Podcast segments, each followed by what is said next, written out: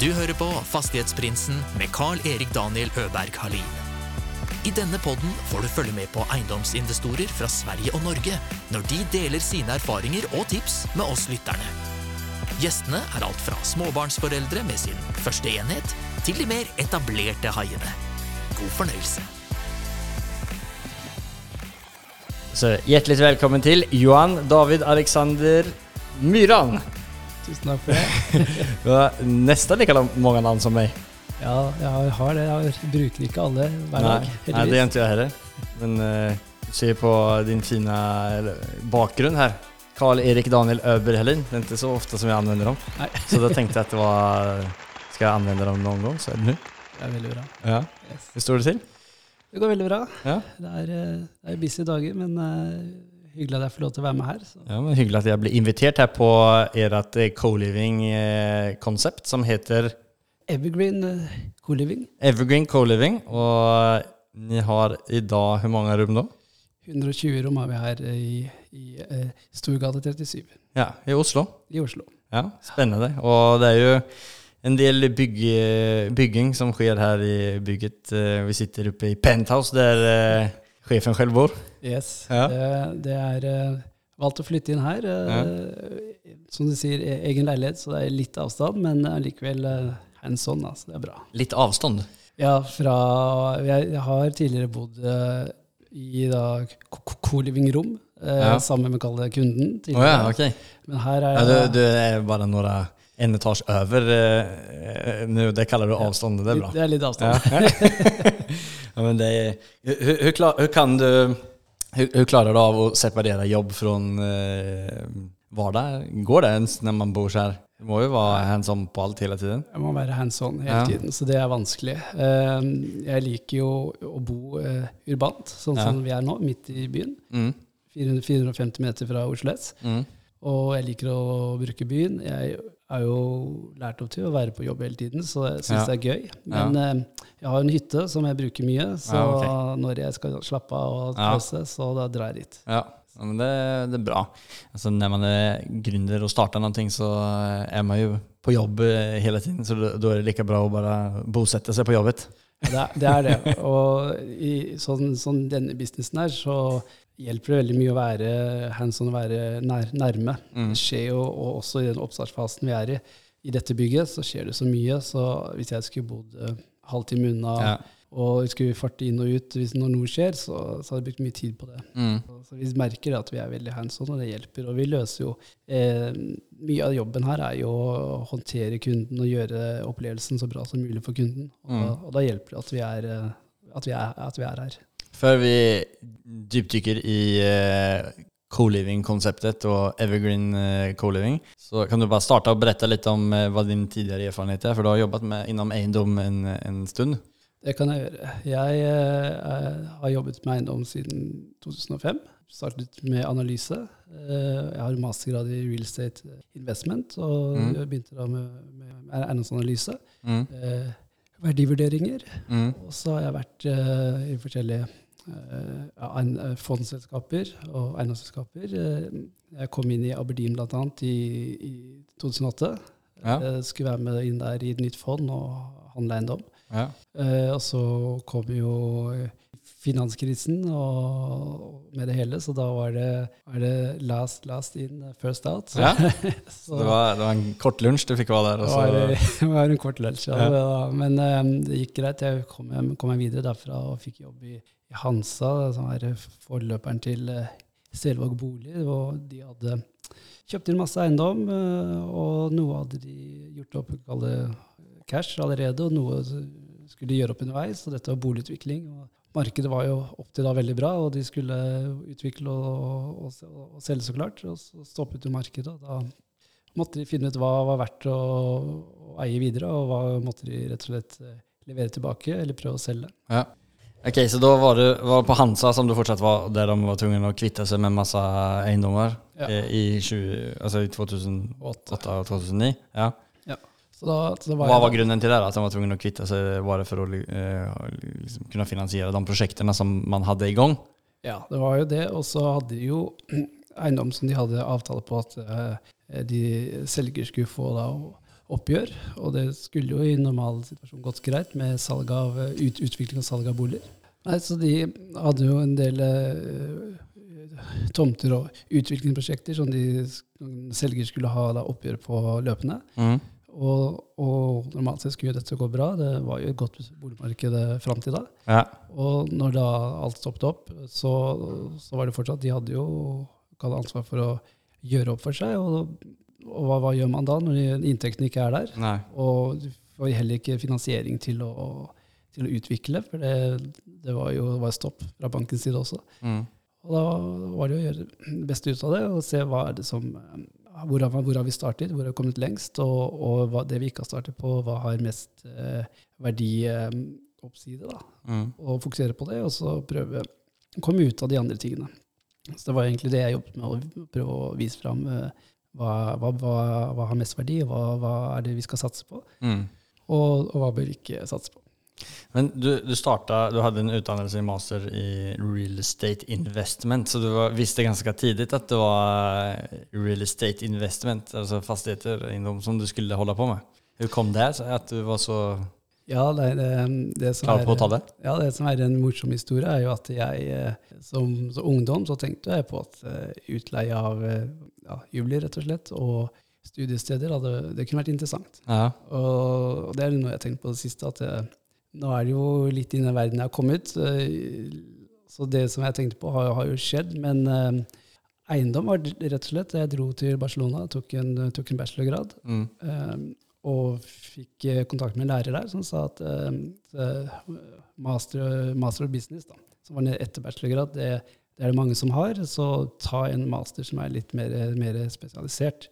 Og da hadde jeg en bestefar som eide bitte lite, lite grann eiendom i Oslo. Men jeg så jo at han hadde faste inntekter på det, og Mm. det var greit. liksom.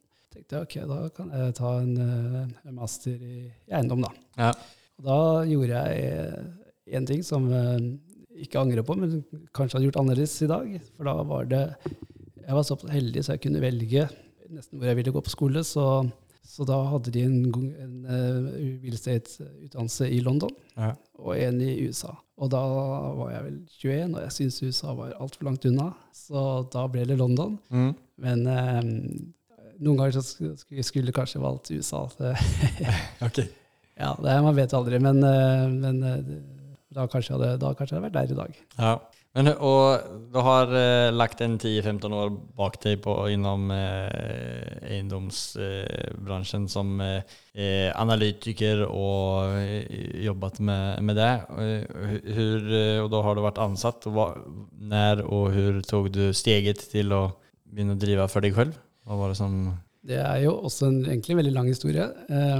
Både min far og bestefar har jo jobbet for seg selv, Mm. drivet drevet eget, eh, med, med salg av eh, eh, klær. Så ikke eiendom. Eh, og veldig sånn salgsrettet eh, salg av klær, for å si det sånn. Ja. Jeg har alltid tenkt at det salg det, det er vanskelige greier. Mm. Men jeg har vært veldig på at jeg ville eie selv. Ja. Um, så, så jeg har vært ansatt i veldig mange år, men jeg har jo underveis, der, jeg kaller det nesten hver sommer, hatt liksom en, eh, en sidehobby, en, en, en sånn eh, Å jobbe med hver sommer. eh, Kall det Ja, det var eh, Da jeg har hytte, så var det en eiendom som var til salgs plutselig. Ja, kunne det vært, for, vært noe? Kunne vi gått sammen, hytta gjerne, og, og lagd vår egen eh, havn, rett og slett? Eh, og ha båtene våre. Og sånn, det har alltid vært noen sånne tanker. Okay, altså, ja. Så dro jeg det så langt at eh, jeg hadde en kjæreste som eh, var veldig glad i sko. Så da dro vi til, eh, til eh, Spania og fikk eh, agentur på sko. Og da var det en liten stund jeg kjørte rundt og skulle selge sko. Og som jeg nevnte, så er jo ikke jeg veldig glad i salg. Så det, Nei, dårlige forutsetninger og ja, jeg, det er to ting jeg ikke jeg, Nå har jeg blitt mye mer komfortabel med salg, men jeg er ikke, tidligere ikke glad i salg, og fortsatt ikke glad i å kjøre bil. Det er kjedelig. Nei. Så det var å gjøre salg og kjøre mye bil. så det gikk ikke, gikk ikke så bra. Og så var det så sikkert mange bransjer, i hvert fall skobransjen i Norge er veldig sånn, eh, samlet på noen få hender, for å si det sånn. Så, så vi som var en outsider, eh, kom, kom ikke helt inn. da. Det var vanskelig. mm. Husker vi var på messe, eh, betalte dyrt for å stå på skomesse i Oslo, og fikk eh, stand det var en sånn loop da, denne, i denne messehallen. da, Mens eh, det var én, et ben som gikk i en sånn eh, blind, blindvei. Og i Mm. bunnen av det kaller jeg en blindveien. Der fikk vi den. Ja, hyggelig. Så der var det ikke mange kunder. Så, Så det var din første gründerbedrift. det var det. Og nå sitter vi her i din eh, leilighet på Storgatan i, i co-living, Green Co-living. Og du har masse eh, lapper på veggen, og du har et selskap som heter Aya, og et som heter HB, Eh, hankebåt. Hankebåt, Ja. Eh, og så driver du dette co-living-konseptet. Eh, tre selskap, og du starter med sko. Og eh, det her co-living-konseptet er jo ikke lenger enn ett år gammelt, eller eh, Vi begynte i, i, i, i 2020 med det. 2020, Mm. Ja. Så da gikk jeg ut av fast jobb og satte fullt full på dette her. Da. Ja. Hur det? Eh, nei, det er jo ja, skummelt. Eh, Ja.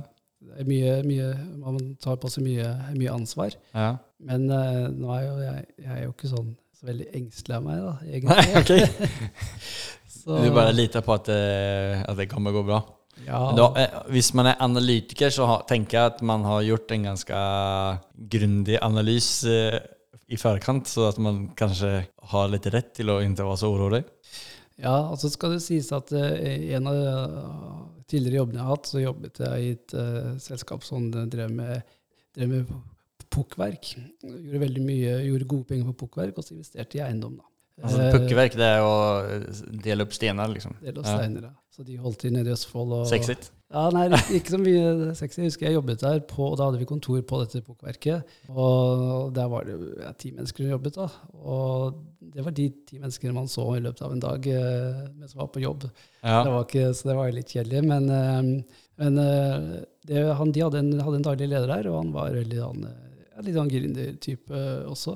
Så da lærte jeg mye å ja, Man må gjøre en god deal da, og på en måte være litt fokusert på hva man ønsker seg, og være litt tydelig. Og det er flere jeg har møtt opp igjennom. eh, jeg, kan si det, jeg, hadde en bestefar som jeg var veldig nær med, og han eh, hjalp meg jo med å få meg gjennom skolegangen. eh, For det var jo dyrt å gå på skole i London og sånn, men han hjalp meg med det. Men han sa, han sa en, han sa det er viktig at du tar utdannelse. Og to, kjempebra når du er ferdig, nå skal du begynne å lære. Så, Ja. så jeg er veldig opptatt av å lære av de rundt meg, og, Mm. og har sånn, um, lært uh, mange, mange opp igjennom der Mm. jeg har jobbet. Og, og en ting uh, som jeg har lært der, er jo at uh, Eller en ting som jeg, jeg syns er viktig, som for meg har vært viktig å lære, da, er at uh, det går an hvis du, hvis du vil det, hvis du tenker på det, hvis du har en idé og, og en vil gjennomføre, så må du, må du gå for det. Må du høre om kan vi gjøre det sånn. Mm. Så er det mye som ikke er enkelt, men eh, du, du kommer vel ikke til det hvis du ikke stiller spørsmål kan, kan vi kunne gjort det. Liksom. Mm. Så, så det, dette med å starte seg selv er jo litt sånn, ja, det er eh, vanskelig, mye ansvar og sånn, men eh, vi, det er jo å løse oppgaver underveis og vanskelige situasjoner. Men da må, tenker jeg det der å Ja, hvordan skal vi løse dette her? Ja, da, må vi, da må vi få til ABC. Ja, det er jo vanskelig, og det høres ut som ingen har gjort det før, men vi må bare prøve. Kan du fortelle litt om det her co-living-konseptet som ni har startet? Ja, eh, jeg kan bare eh, dra dit at eh, det kom jo, co-working kom jo til Norge. Mm. Og, og det satte seg og ble liksom bra. Og da, sånn, da begynte buzzordet co-living å komme. Da. Og så- tenkte jeg sånn så at ok, da, dette, dette tror jeg på. Dette er nok det next big thing. Mm. Så da, da så, det så er liksom bakgrunnen. Og så har jeg tidligere aldri jobbet med, eh, med, med boligeiendom. Nei. Jeg kom jo fra, fra næring. Men, eh, men eh, Så vi måtte lære hva er dette. Og så er det jo sånn, Co-living er jo ikke noe vi har funnet opp, så det er jo å sitte på internett og google litt, og så ser man hva de har gjort i New York og London og Tyskland. Så Gjorde du det før eller etter du så opp? både òg. Men kanskje mest eh, etterpå. Jeg, jeg, jeg hadde en, eh, en eh, co-founder den gangen som var, som var mer flink på å analysere eller og se hva som skjedde der ute. da. Mm. Mens jeg hadde, kall det, eiendomsbrillene mine på, sånn eh, som eh, Ja, så mye kan vi få, få inntekter, og så mye koster det i leiekostnader, og, og dette, sånn kan vi tjene penger på, på eiendom. da. Ja. Så var han mer eh, den, det med konsept og form og farge og litt den biten der, da. Mm. Men, eh, men sånn veldig enkelt så, så leier vi jo ut rom. Eh, eller først og fremst, vi er et leiekonsept. Så vi driver med utleie. Og vi leier ut, eh, leier ut rom. Eh, og så er det felles kjøkken og, og, og felles bad. Mm. Eh, og så er det jo viktig da, i dette konseptet at vi legger vekt på at eh, ja, du bor litt mindre, men du skal få, få, få hentet inn det igjen via fine felles arealer. Da. Så, det, så vi er jo opptatt av å gjøre det til et hyggelig sted å komme til. Mm. Også altså er jo den verdien i det vi gjør, sånn så som vi har lært mye underveis, men den store verdien er jo at vi får folk sammen, og at de har et nettverk. eh, Vi har mange, mange internasjonale, og de som er nye i Norge, nye i Oslo. Og, og de lander da i vår, vårt hus og, får venner og blir satt i i hvordan byen fungerer. Uh, og det, den, den verdien der er veldig stor. Og den er jo den, også den tilbakemeldingen vi får, at eh, det er grunnen til at de blir videre og ønsker å være her, og ønsker å anbefale oss til andre. Hvem er det som er den typiske leietakeren her? Uh, unge voksne. Uh, Så er det bare studenter, eller er det sånne som jobber også? Nei, det, det, vi, vi begynte da med å sette opp vårt uh, første hus. Og som en startup så må man jo tjene penger, så vi var jo åpne for alle kunder. Mm. Eh, men vi la jo forsto fort at det er jo de unge som kommer. Ja. Eh, og så har jo vi alltid leid ut litt dyrere enn markedet. Ja. Eh, det er en del av konseptet også. Og da så vi jo etter hvert at eh, ja, det er unge mennesker, men det er eh, unge eh, i første eller andre jobb som, har, som de har en god jobb eh, og okay. har råd til å Mm. kalle leie av oss. da. ja. Så, så den, eh, kjernekunden er vel eh, ja, 25 til eh, 35 år gammel. Mm. Eh, ja, som sagt har eh, god jobb, eh, og de jobber ofte i, i den eh, grønne skiftet som, som Norge er eh, veldig på om dagen. Så det er jo IT og mikroteknologi og autonome biler. Det er veldig mye den verden der. Eh, så, så, og, og så er det veldig mange hos oss eh, internasjonale. Mm. Så, så vi er også i dette her eh, blitt kastet inn i egentlig en sånn eh, Å se hvordan eh, AS Norge egentlig eh, har veldig underskudd på, på flinke, flinke mennesker. Mm. Og at dette rett og slett løses med å få de fra, fra utlandet. Mm. Og- Og då, då bidrar ni med å eh, legge til rette for bra bosteder til dem? Det er det vi gjør. Så det er jo enkelt å komme til oss. Eh, Du kan flytte rett inn. Eh, Har vi ledig rom, kan du flytte rett inn. Og, og rommene er jo ferdig med møbler. eh, Seng, skrivebord, skap. Og, og kjøkken og fellesrommene er jo også ferdig med, med møbler, så det er jo bare å flytte rett inn. Mm. Eh, og da er det jo, da er det jo sånn ja, Hvor er rommet mitt? Det er jo klart første spørsmål. Og det andre spørsmålet er hvor, hvor er internett? Det er, det er Ja. viktig for de unge menneskene. Og mange av dem jobber hjemmefra også. Mm. Um, men ja, så det er jo lett. Også I dag da skal du leie en leilighet, for vi har ikke, vi har ikke krav om depositum. Ok. Uh, og det hur løser ni det da? Nei, vi har vel hatt den tilnærmingen at uh, vi prøver å gjøre eh, rommene våre så, og by- byggene så attraktive, fine, sånn at det skal være, det skal være et, eh, et, eh, et hjem. Mm. Sånn at eh, vi, opp, sånn at vi man kaller kalle kunden for den følelsen at de, her bor jeg, dette er hjemmet mitt, her vil jeg passe på. Mm. Eh, og så er jo dette tilbake med at vi tar jo en litt høyere leiepris, som gjør at vi får eh, kalle, ja, de unge voksne som har eh, ambisjoner, eh, har viktige jobber, eh, legger seg tidlig, står opp tidlig. Mm.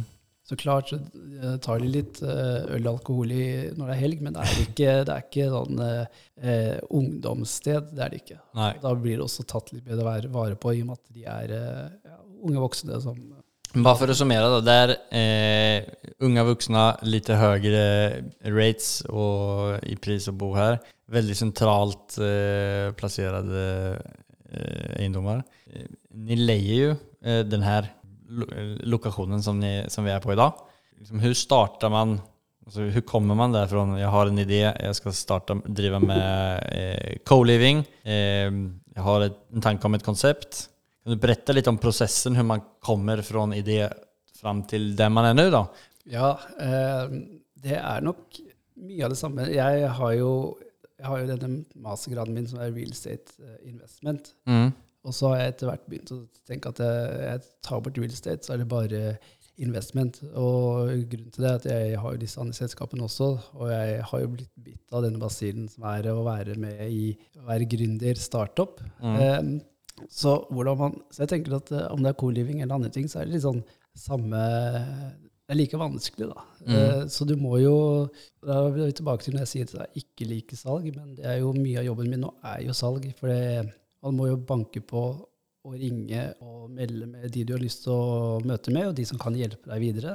Eh, de som har i dette tilfellet med, co-living, de som har eiendom. Mm. For det er liksom det første steget å ta, og det er å knakke på eh, Mr. Storgata 37 og si 'hallo, jeg har lyst til å leie noen etasjer her'. Ja, eh, Steget før det er vel å selge inn ideen. Ja.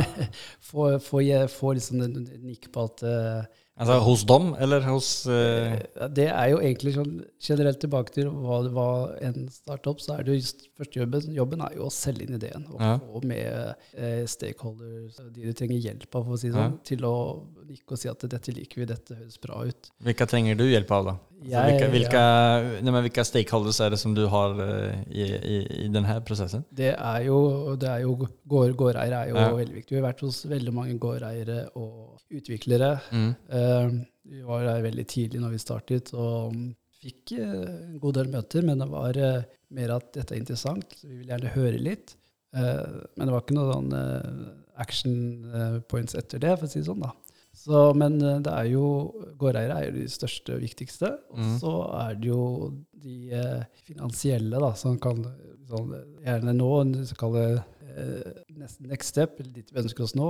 Så klart må vi ha flere eiendom, men og etter hvert få en, et eiendomsfond som har kapital, er jo virkelig dit vi ønsker oss. da. Mm. Som har, har da kapital og har behov for eh, rente på den kapitalen, og at vi kan være med å skape den for dem. da. Det- Kan du forklare litt hur den dynamiken, eh, hur du ser for deg den dynamiken? Du har jo vært i den verden i mange, många år. Og det er egentlig det her som jeg syns er veldig spennende. Altså, for nå har du, Nå har ni byggt opp et koncept da, som er veldig arealkrevende, om man skal være liksom, litt helikopterperspektiv av businessideen.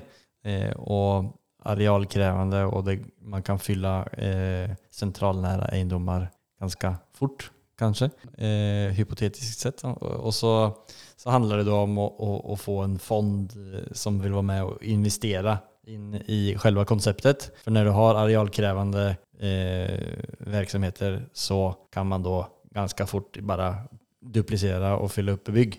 Ja, så det, er- det, det vi har lært. eh, Som sagt, eh, jeg har lært veldig mye på denne reisen, og det er jo det å bygge, bygge selskap. Og en del av det er jo det som Apple er god på, det er jo å bygge, bygge merkevare. Ja. Så det er jo veldig mye det vi gjør, er å bygge merkevare eh, og bygge konsept, så klart. Eh, eller Det er en, to sider av samme sak. Da. Vi har konseptet, vi har fargene våre, vi har sett opp på, på, på rom. Eh, så vi, vi, vi har liksom en sånn mal på som vi kan putte inn i nye og nye og nye bygg. Samtidig som vi er veldig opptatt av å bygge den merkevaren, for det er der vi kan eh, også hente ut litt ekstra eh, leie, rett og slett, på Mm. å kunne si at eh, du bor kult og, og i sentrum, og, og vi er her og hjelper deg, og, og det koster litt ekstra. Mm. Men det er klart det er, Jeg refererer mye til generelt det å starte og bygge en business. Det jo, Så det vi trenger, er jo volum. Vi trenger jo inntekter, og, og de fleste eh, businesser er jo basert på at du må selge volum. Og i volum i vår verden eh, er jo eh, det er rom. Det Mm. er det som er volum hos oss. Så vi må jo ha flere eiendommer og flere rom, rett og slett. eh, For å nå liksom sånn kritisk masse. Nå har ikke jeg noe eksakt tall på hva den kritisk masse er, men eh, for vår del. Men det er klart, går vi til fondsverden, så vil jo de ha eh, mulighet til å gjøre, når man først gjør en investering, så skal den være litt, litt stor. Så, så hjelper det ikke å komme med, med, med ett eller to bygg. Det må være litt ordentlig. Okay. Ja. Men det finnes jo olika vägar att gå i, i den här världen som jag intervjuar massa egendomsutvecklare och investorer. Så det är ena vägen att gå är att göra det själv. Alltså köpa en lägenhet och bygga, eh, skapa värdier, eh, leie ut og forhåpentligvis kunne refinansiere ut noen penger til og kjøpe en til og, bare duplisere den veien hele, tills man har flere stykken. Man får stordriftsfördelar og man kan eh, kanskje få med seg lite penger da. Eh, men så er det jo den veien som du går, hvilket jeg opplever at det er mange som kommer fra den finansbransjen, eller finansverden, eh, gjør. De, de, de tenker konsept i stedet. Volym, størrelse, og gärna, liksom, ni eier jo ikke noe bygg da, men når ni vel kommer til en viss volym og matcher er med en fond f.eks., eller når man hittar en sånn investor eller liknande, da er det jo helt plutselig et superhockeystikk i den uh, utviklingen. Da, kan ju fort opp, som du sier ni har uh, utleje på, uh, ni har utleiekonseptet i ti bygg og fra det så kan det gå til at ni er eiere av de ti byggene i tillägg. Och da blir det en spennende verdiutvikling. Det er helt riktig. Så, så jeg, og det sier jeg jo så jeg fortalte han, eh, han co-founderen min, som ikke kom fra eiendom, og som mm. var litt mer på konseptet og den, mens jeg har jo alltid sagt veldig tydelig på at jeg er jo eiendomsmann, og det er ja. jo å eie å og være med på den verdi, verdireisen som er interessant. Mm. Uh, også vårt selskap i dag har ikke kapitalen til å investere inn i, inn i store eiendommer, så det, så det, må vi jo uh, rett og slett uh, Når vi kommer og, i, i, i diskusjon med kall det investorer, så er det jo rett og slett å høre hvordan kan vi få en liten del av kaka og bygge mm. oss opp den, den, veien. da. Mm. så er det jo, Og det er jo lettere det er lettere hvis man kan bygge opp et case som uh, man kan komme inn på litt på en lav kostnad, rett og slett. Forklare litt mer hva det betyr.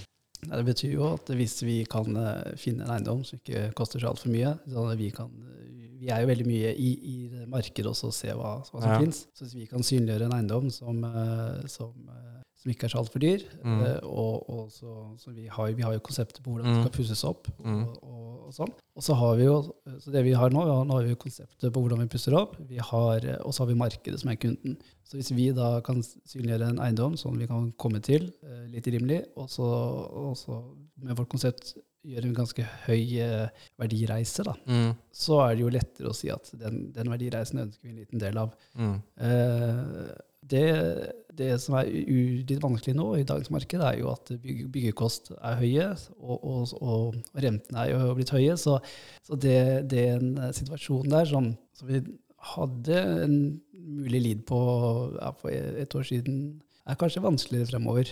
Eh, men det er litt sånn rett og slett sånn som vi må tenke, hvordan kan vi skape verdi for, eh, for de vi jobber sammen med. da. Mm. Men hvordan hur vill en sån typisk uh, dialog med en eh, investor eller fond se ut? Jag antar att du har vært varit med om många sådana caser tidigare och har en uh, ganska klar bild om hur man ska gå tillväga. Kanske du inte kan outa dina next moves kanske? nej, nej då, men vi, vi, har ju varit i väldigt många dialoger med investorer och en del fond, fond också, och från utlandet. Också, så det som er liksom det, det fondsaktørene spør om, er jo veldig mye eh, egentlig konseptet. Eh, hvordan får vi, hvordan får vi den, den, leiesummen vi får, ja. og, og, hva er kostnaden? Og, og sånn, for det er litt det jeg fortalte i stad. Hvis, hvis, du kan tenke på det, hvis du tror at dette kan gå, så må du, så må de sånn prøve. Og det mm. er jo det vi har gjort med den, vår leiepris. Vi har jo, når vi startet, så lå vi ca. 40 40% over det som var gjengs da, for, mm. for, en hybel. For våre rom leies ut 40% over det kall en hybel, mm. eller et, rom i dag. da. Mm.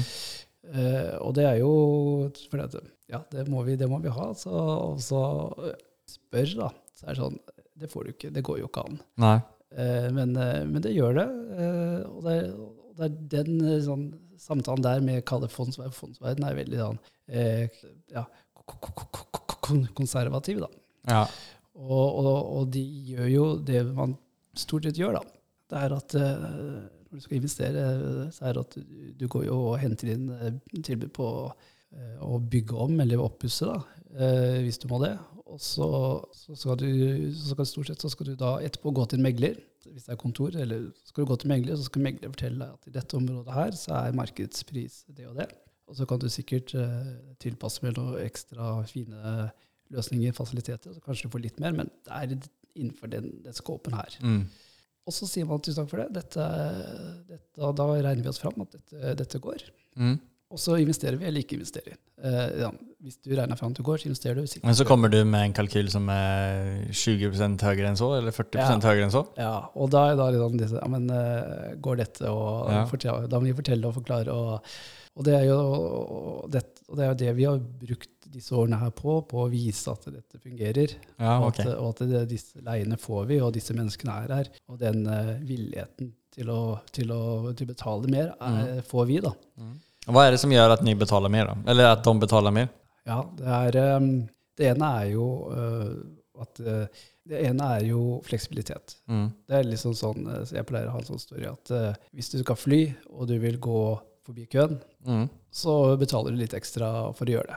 Og det er jo egentlig det samme liksom det, som jeg lærte når jeg gikk på, gikk på bachelorgraden min, så er det jo uh, alt med fleksibilitet og enkelhet koster litt mer. Ja. Sånn er det bare. Så det er jo, konseptet vårt er basert på enkelhet, eh, fleksibilitet, og det, det tar vi oss litt ekstra for. Eh, men så er det også dette med eh, at det er sosialt, og du har venner, du får et nettverk, og du vil gjerne være der. Det er jo det. Vi ligger jo sentrumsnært. Mm. Vi du får si det sånn, vi nå, akkurat nå ligger vi jo 450 meter fra Oslo S, og, og Oslo er jo en liten by, så det er en kilometer til to kilometer til alt som er i sentrum. Så jeg er ganske sikker på at ingen her eh, som bor her, eh, kjøper uh, rutekort. Eh, så, sånn, så ja, da sparer du litt der. Da kan du kanskje betale litt mer husleie, da. Navnet også. Ja, vi, det er jo merkevare vi, Ja. vi bygger. Så, Det er Evergreen eh, Co-living. ja. Ja.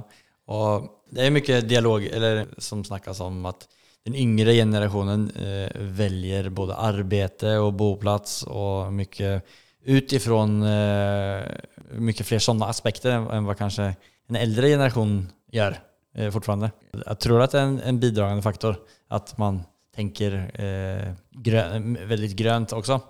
Det... At man attraherer liksom den, den, den, den, eh, den eh, målgruppen som är, har et jobb som kanske er innenfor det, har ett, en, en bo, bostad som eh, då grön og er villig til å betale litt mer eh, for det. Jeg skal jo være ærlig, og det er jo min analyse, og det er at eh, det, det som vi opplever er veldig viktig for kunden vår, er jo fleksibilitet og nærhet til sentrum. Ja. Eh, De er veldig opptatt av eh, miljøet i den forstand at eh, hvordan man håndterer avfall, det er de veldig opptatt av. Eh, Men i dette temaet, eller den, dette her med ESG, så, så merker vi, og det er det som er på flere måter eh, allerede, er jo det, det vi får godt betalt for, er det sosiale. Mm. Så det, er, så, det, i den, så det er jo miljø, så kall det sosialt miljø, det, det er de veldig betalingsvillighet for.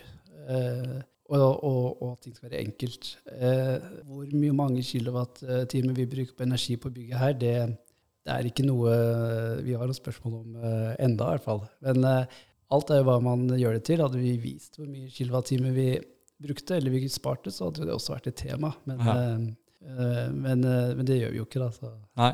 Ja, men eh, jæklig spennende. Og det blir veldig spennende å få følge med på utviklingen av Evergreen Co-living. Eh, vi har kommet fram til vårt neste segment som heter Affærsanalysen. Det er det segmentet vår gjest deler med som en gjennomført transaksjon eller affær. Eller i, i denne intervjuen kanskje det blir noe annet. It has not been easy for me. And, you know, I, I started off in Brooklyn. My father gave me a small loan of a million dollars. Affärsanalysen. Har du tenkt ut noe som du kanskje kan dele med deg om? Ja da, jeg, jeg, har, jeg har jo det. Jeg jobbet jo i, eh, i Østfold, i dette her bokverket. Mm. Så jeg fortalte de hadde jo en del eiendom som de hadde kjøpt og hatt over lang tid, og noe hadde kommet via kjøp av andre virksomheter og, og sånn. Så der hadde de et da, eh, bokverk, et nedlagt bokverk eh, midt inne i ganske en del av byen. Da, så det var, var boliger rundt.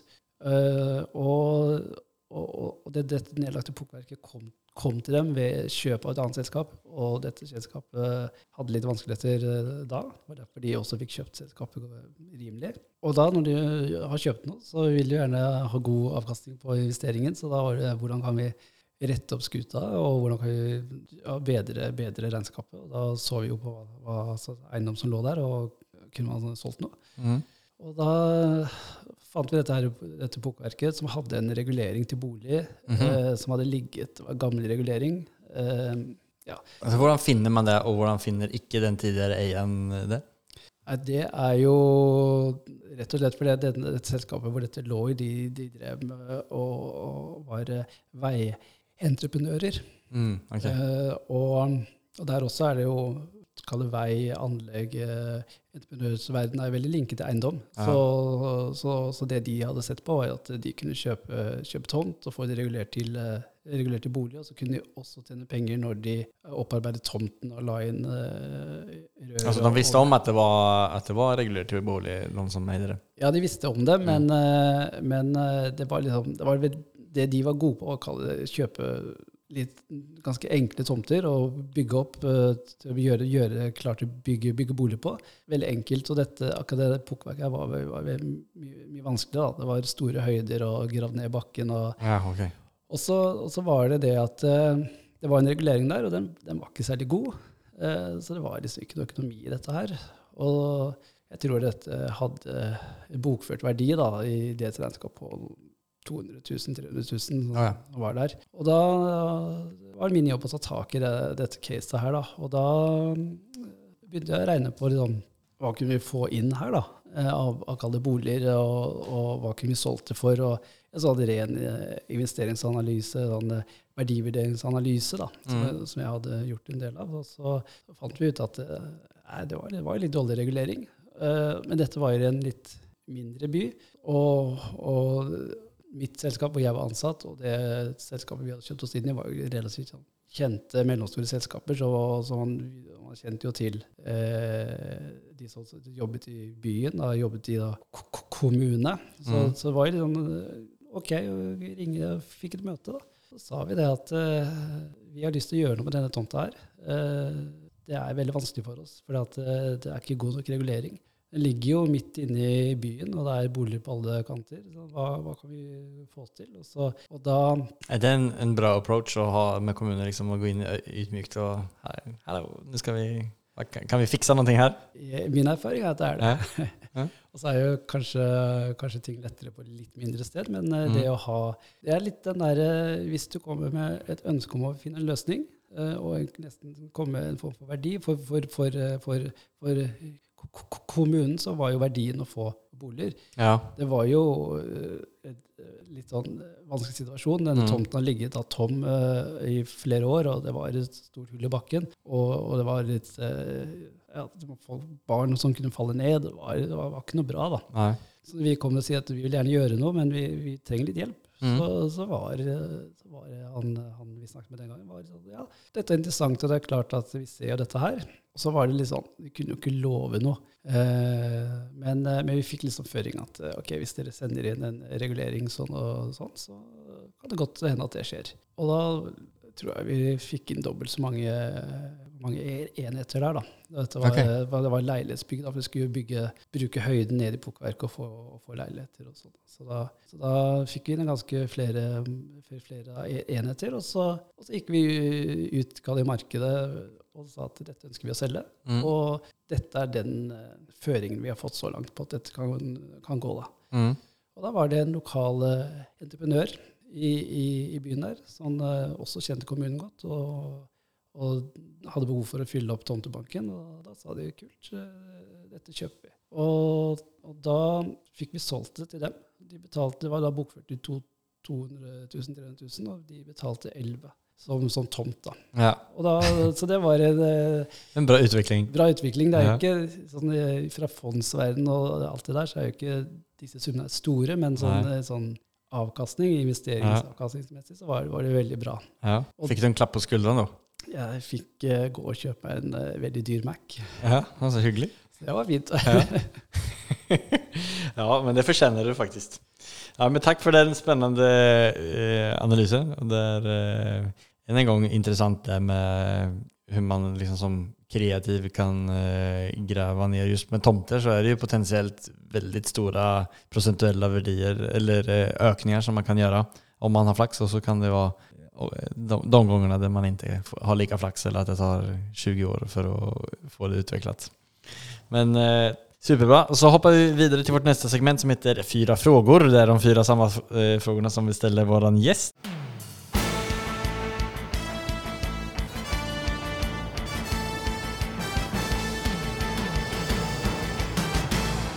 Cuatro preguntas. Och den första frågan är Vad är det som skiljer en framgångsrik entreprenör, alltså gründer, mot de som inte lyckas, slutar eller aldrig kommer igång? Ja, det er, det er jo et um, stort, stort spørsmål. Ja.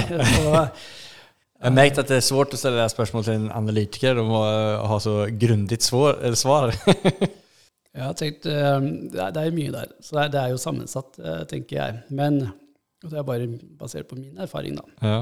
Så, så tror jeg på at man må ha litt, eh, litt eh, tykk hud og, og stå i det, rett og slett. Eh, det er nok veldig viktig å kunne takle motgang og takle å få nei.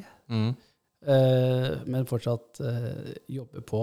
Det, det er vel ofte man liksom har sånne historier om at det, Eller man sier vel det at det er når du føler at det egentlig er helt mørkt, at da er du ganske nærme løsningen. Ja. Så, så det å holde ut er eh, Det tror jeg er veldig viktig. Er det, er det skikkelig mørkt for deg nå, eller, eller har det bare blitt lyst?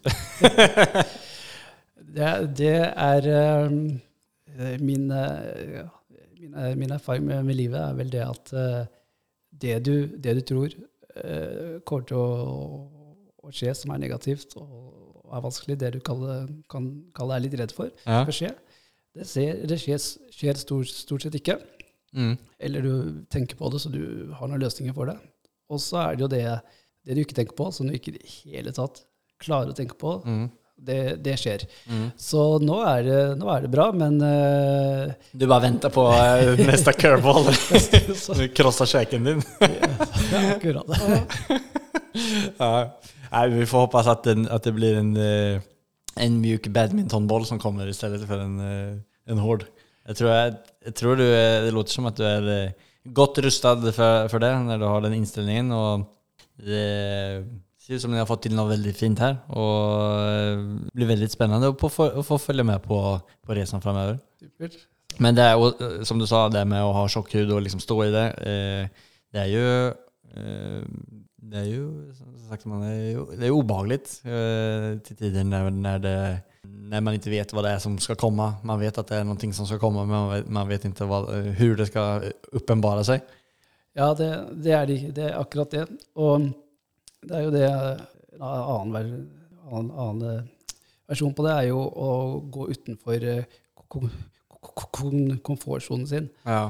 Og det gjør jeg hele tiden. Jeg har litt vanskeligheter med, med språket og sånn, så jeg hakker litt når jeg prater. Og, Mm.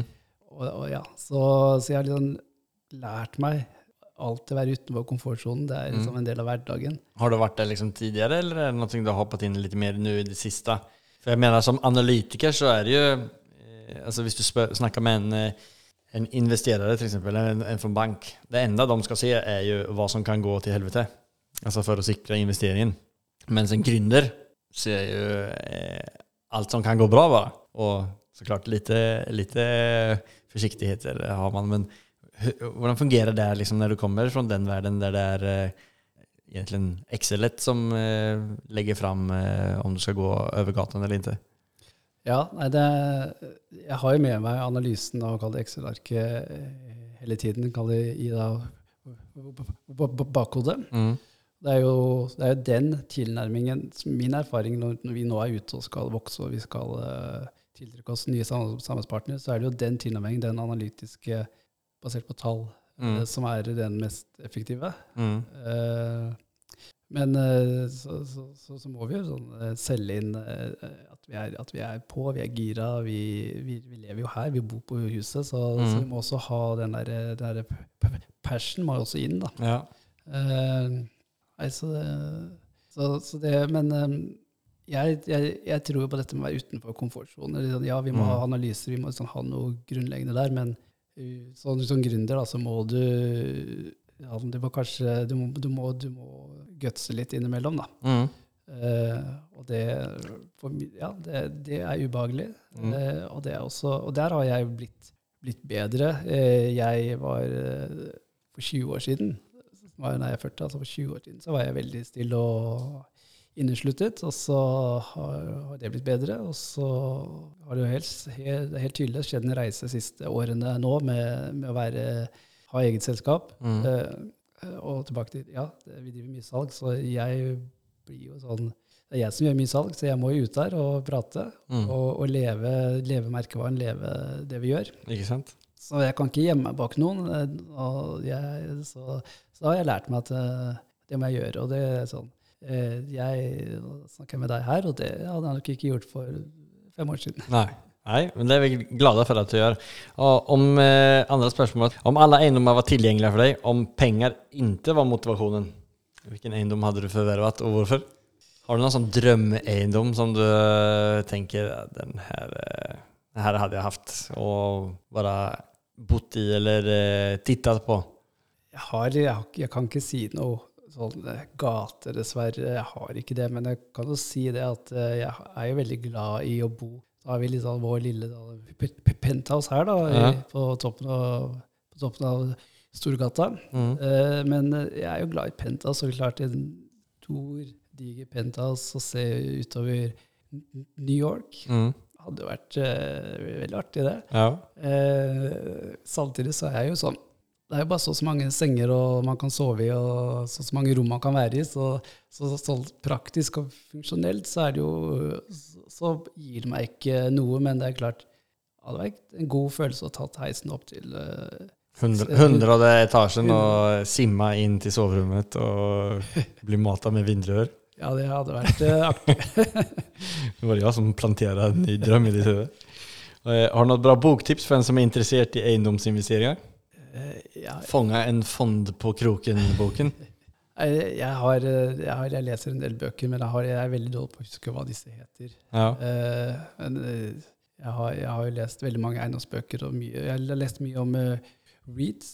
Så det har vært veldig Altså masse- REITs, REITs. ja. Hva er det? eh, Real Estate Investment Trust. Real Estate Investment Trusts. Altså fonder Det er en Eller? form for fond. Det er, eh, det er jo en modell som er i USA som gir uh, mye skattefordeler. Uh, Ja, ok. Det de gjør, er jo å investere veldig da, tydelig innenfor én segment. Så det kan bare være hotell. det kan også være så spesifikt som bare hotell i New York. da.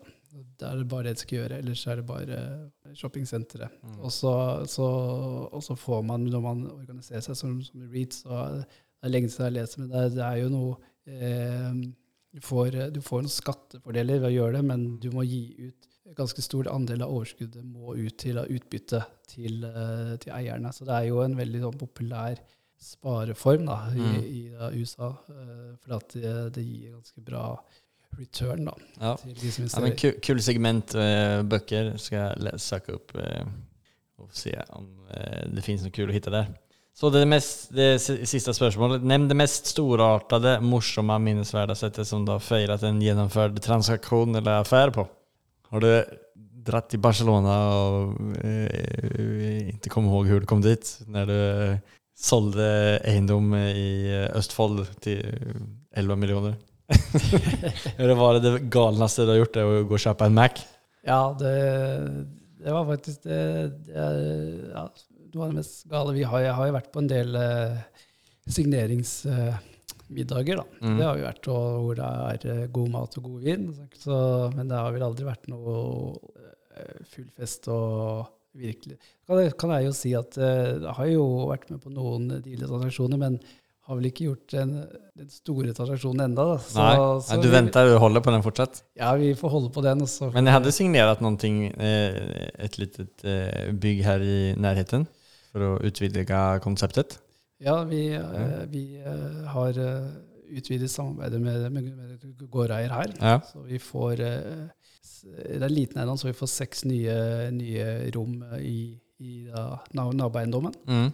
Så det har vi ikke feiret ennå, men det, Nei, det, nei, det må vi gjøre. Det må vi gjøre. Ja, Da kommer jeg på den festen. Ja, det er bra. Nei, men superbra. Men er det noen spesielle deals eller liksom eiendommer som dere er på jakt på efter nu? Eh, altså, Leter ni etter efter eiendommer i Oslo? Eller i andre steder for den delen også? Ja, vi gjør jo det. Vi leter jo i Oslo. Vi har Mm. veldig lyst til å ha ja, Som jeg sier, det, det, vårt uh, businessen er jo, er jo volum, så jo, Mm. jo flere, jo bedre. Eh, men eh, vi vil jo gjerne ha litt, litt størrelse på eiendommene. Så 80 til eh, Her er det 120 rom. Det er jo det er en, det, Vi ønsker å være der. Eh, vi har litt, eh, litt lead på, på noen ting her i Oslo. eh, med andre gårdeiere. Men det er klart, ting koster om dagen, så det er ikke, det er ikke bare bare. Men vi ønsker å vokse i Oslo. Eh, sentrumsnært, nærme, nærme buss og, buss og kollektive punkter. Så, om du legger ut en kontaktannons her, så er det, altså det er hele bygg som ni er ute efter å få leie? det er det. Og Ja. så er vi veldig glad i å kunne kombinere det med et levende første etasje. Mm. eh, Og ha et samlingspunkt eh, der. Men det er vel ikke enkelt å få tag på hele bygg dag, så det er kanskje et bygg som er litt i dårlig tilstand i dag, og der gårdsägaren kanskje skal pusse opp, eller, eller kan det være at det var et kontor i dag, og så tenker de at man skal konvertere det, eller eh, Ja, det er jo egentlig det sånn Hva var det her, til eksempel, før, eh, för det ble det det i dag? Ja, vi har blitt fortalt at vi var jo ikke med eh, på å gjennomføre kjøpet heller her, men eh, vi har blitt fortalt dette er jo, eh, er jo en, det er jo en boliggård, så her har det vært leiligheter, og så har det vært eh, næring i første etasje, men eh, vi har blitt fortalt at det var veldig slitent her, det, var, Mm. det måtte et løft til. Men det var utleide leiligheter? Det var utleide leiligheter, ja. Men eh, I Norge så er det ikke så vanlig, liksom, altså, som i Sverige så er det mye mer vanlig med utleie altså, som generelt. Där, kan altså, alltså, bor jo familier i, utleie hele livet utan at det er noe konstigt med det också. Ja, og det Jeg mener jo det, og det er jo min tanke, at uh, i dag, eh, med økonomien rundt oss det, Vi har vært gjennom en, en periode hvor det har vært veldig fint. Lave renter og gode lønninger. Uh, og Det lät litt deprimerende med hva som kommer skal i denne setningen. Ja, så vi har hatt det bra, og vi har kjøpt oss det vi ønsket oss, stort sett. Uh, Dratt, Men. dratt på ferier. Men nå er det et skifte. Jeg, det er jo min enkle analyse. Jeg tror, eh, jeg tror du har trodd det lenge, at det kommer et skifte. Mm. Hvor eh, den uh, muligheten til å kjøpe seg og anskaffe seg alt man ønsker seg, uh, særlig det som blir vist fram på sosiale medier, som man tror man må ha, Mm. jeg tror den tiden går mot slutten, om den ikke Mm. er over. Men mennesket vil jo ikke at det skal, vi vil jo ikke at det, skal være sånn. Og da kommer leie inn, da. For hvis du har mindre kapital, men fortsatt har lyst til å ha bosenter snært, eller fortsatt har lyst til å ha en eh, dyr bil, eller ha, ha andre fine ting hjemme, så er jo, kall det leasing, leie-modellen eh, kommer jo. For da får du, du, får en, du slipper å legge ut store investeringen. Mm. Eh, men du kan, men, så, kan, så du tar det heller over langen, men du får fortsatt bruksmuligheten, og det er den vi ønsker oss stort sett. Så Mm. jeg tror jo på konseptet her, leie. Jeg tror det kommer, og boligleie bare blir mer og mer aktuelt. Ja. Og så tror jeg det på rett og slett andre ting rundt oss også. Til eksempel eh, leiebåt og klær. Eh, Helt riktig. Shoutout til egne selskap. Yes. Men eh, det, vi linker til, alle, til både de to selskapene i beskrivelsen også, og Evergreen Co-Living så klart også i podkastbeskrivelsen. podcastbeskrivelsen. Men om det er noen flere, da, som enten antingen om det er noen som sitter på altfor mange kvadratmeter stort bygg sentralt i Oslo eller kanskje eier en fond eh, som de har i lommen, som de vil komme i kontakt med, med deg med. Hur kommer man best i kontakt med deg på? Eh, Jeg er jo på LinkedIn, Mm. så jeg finner meg der. Og så har vi jo en hjemmeside, eh, evergreen.rent. Eh, Skrolle litt der, så finner du kontaktinfo der også. Ja, Da lenker, lenker vi til det også i podkastbeskrivelsen, så er det bare å gå inn og ta kontakt med David. Superbra. Før vi runder av her har du noen siste tips til alle nye investerere. Hvordan de skal håndtere markedet som i dag, om de har lyst til att go deep in the real estate investment? Ja, du må ha en eh, god idé. Ja. Eh, du, må ha, du må ha fokus på, tenker jeg, på inntektssiden. Mm. Hvor, hvor er det i For det, eiendom er jo eh, eh, en eh, vessel eh, og et, et, et medium for å skaffe seg inntekter. Mm. Eh, så, så du må finne ut hva, liksom, hva vi gjør her, er jo å leve av at folk må bo, Ja. og at de er villige til å betale for å leie. Mm. Eh, så jeg lærte det veldig tidlig. En, en eiendom som står tom, den er eh, ganske lite verdt. Og om så du har pustet opp med de fineste ting, så står den tom, så er, det, er ikke det bra. Mm. Så, så, så Så liksom man, konseptet konceptet eh, som du skal putte inn i selve eiendommen, er egentlig en verdien for eiendommen?